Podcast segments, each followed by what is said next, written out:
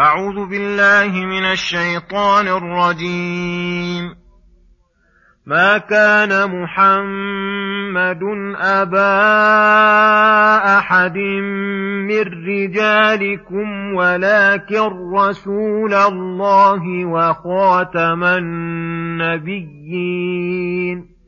وكان الله بكل شيء عليما.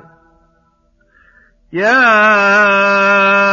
ايها الذين امنوا اذكروا الله ذكرا كثيرا وسبحوه بكره واصيلا هو الذي يصلي عليكم وملائكته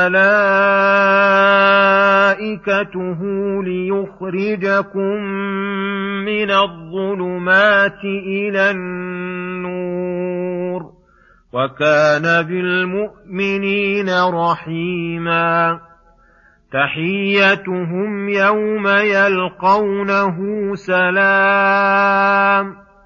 وأعد لهم أجرا كريما. يا أيها النبي إنا أرسلناك شاهدا ومبشرا ونذيرا.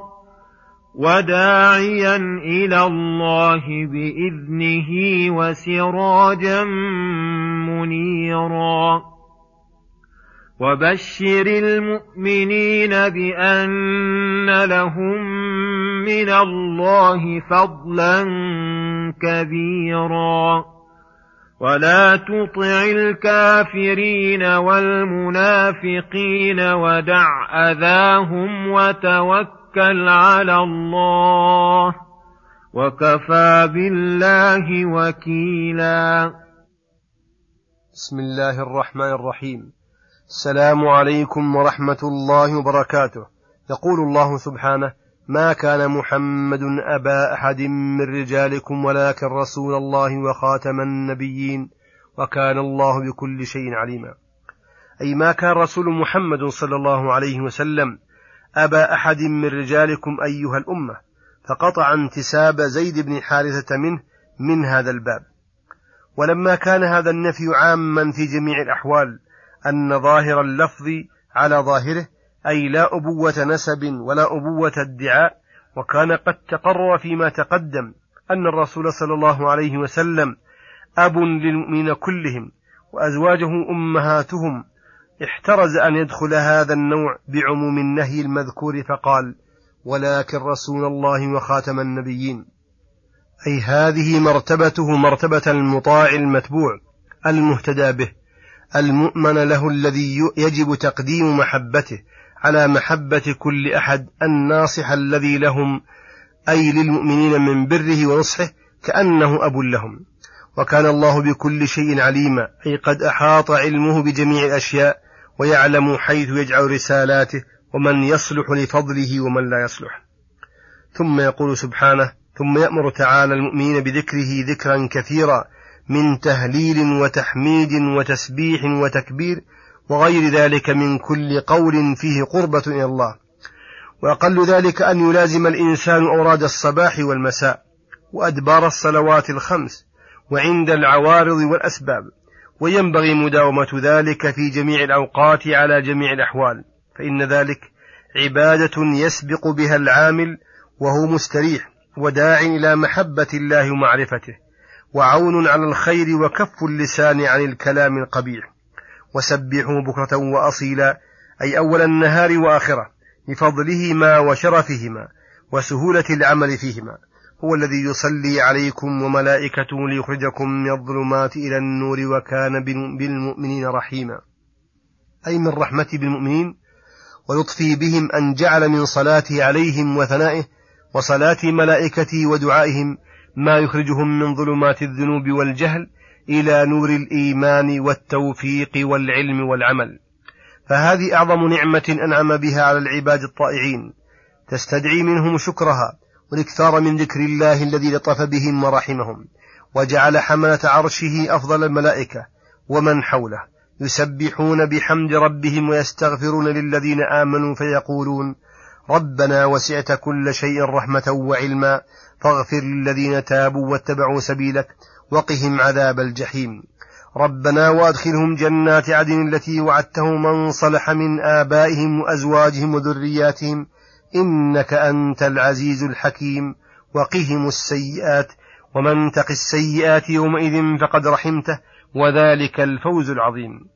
فهذه رحمته ونعمته عليهم في الدنيا وأما رحمته بهم في الآخرة فأجل رحمة وأفضل ثواب وهو الفوز برضا ربهم وتحيته واستماع كلامه الجليل ورؤية وجهه الجميل وحصول الأجر الكبير الذي لا يدريه ولا يعرف كنهه إلا من أعطاهم إياه ولهذا قال تحيتهم يوم يلقونه سلام وأعد لهم أجرا كريما.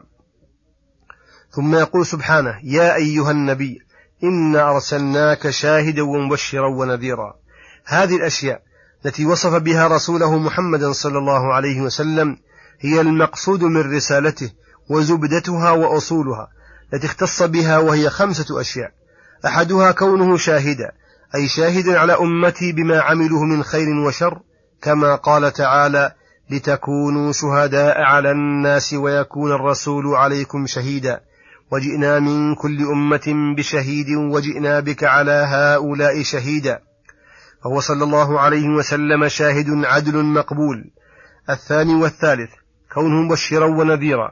وهذا يستلزم ذكر المبشر والمنذر وما يبشر به وينذر والأعمال الموجبة لذلك.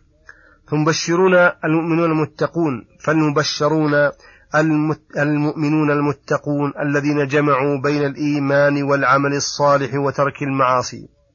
لهم البشرى في الحياة الدنيا لكل ثواب دنيوي وديني رتب على الإيمان والتقوى وفي الأخرى بالنعيم المقيم. وذلك كله يستلزم ذكر تفصيل المذكور من تفاصيل الأعمال وخصال التقوى وأنواع الثواب. والمنذرون هم المجرمون الظالمون أهل الظلم والجهل. لهم النذارة في الدنيا من العقوبات الدنيوية والدينية المترتبة على الجهل والظلم وفي الأخرى بالعقاب الوبيل والعذاب الطويل. وهذه الجملة تفصيلها ما جاء به صلى الله عليه وسلم من الكتاب والسنة المشتمل على ذلك. الرابع كونه داعيا إلى الله. أي أرسله الله يدعو الخلق إلى ربهم ويشوقهم لكرامته ويأمرهم بعبادته التي خلقوا لها وذلك يستلزم استقامته على ما يدعو إليه وذكر تفاصيل ما يدعو إليه بتعريفهم لربهم بصفاته المقدسة وتنزيه عما لا يليق بجلاله وذكر أنواع العبودية والدعوة إلى الله بأقرب طريق موصل إليه وإعطاء كل ذي حق حقه وإخلاص الدعوة إلى الله لا إلى نفسه وتعظيمها. كما قد يعرض ذلك لكثير من النفوس في هذا المقام. وذلك كله بإذنه تعالى له في الدعوة وأمره وإرادته وقدره. الخامس كونه سراجا منيرا. وذلك يقتضي أن الخلق في ظلمة عظيمة لا نور يهتدى به في ظلماتها ولا علم يستدل به في, جهال في جهاتها حتى جاء الله بهذا النبي الكريم فأضاء الله به تلك الظلمات وعلم به من الجهالات وهدى به ضلالا إلى الصراط المستقيم. فأصبح, فأصبح أهل الاستقامة قد وضح لهم الطريق فمشوا خلف هذا الإمام وعرفوا به الخير والشر وأهل السعادة من أهل الشقاوة واستناروا به لمعرفة معبودهم وعرفوه بأوصافه الحميدة وأفعاله السديدة وأحكامه الرشيدة. وقوله وبشر, المؤمن وبشر المؤمنين بأن لهم من الله فضلا كبيرا. ذكر في هذه الجملة المبشرين وهم المؤمنون وعند ذكر الإيمان بمفرده تدخل فيه الأعمال الصالحة.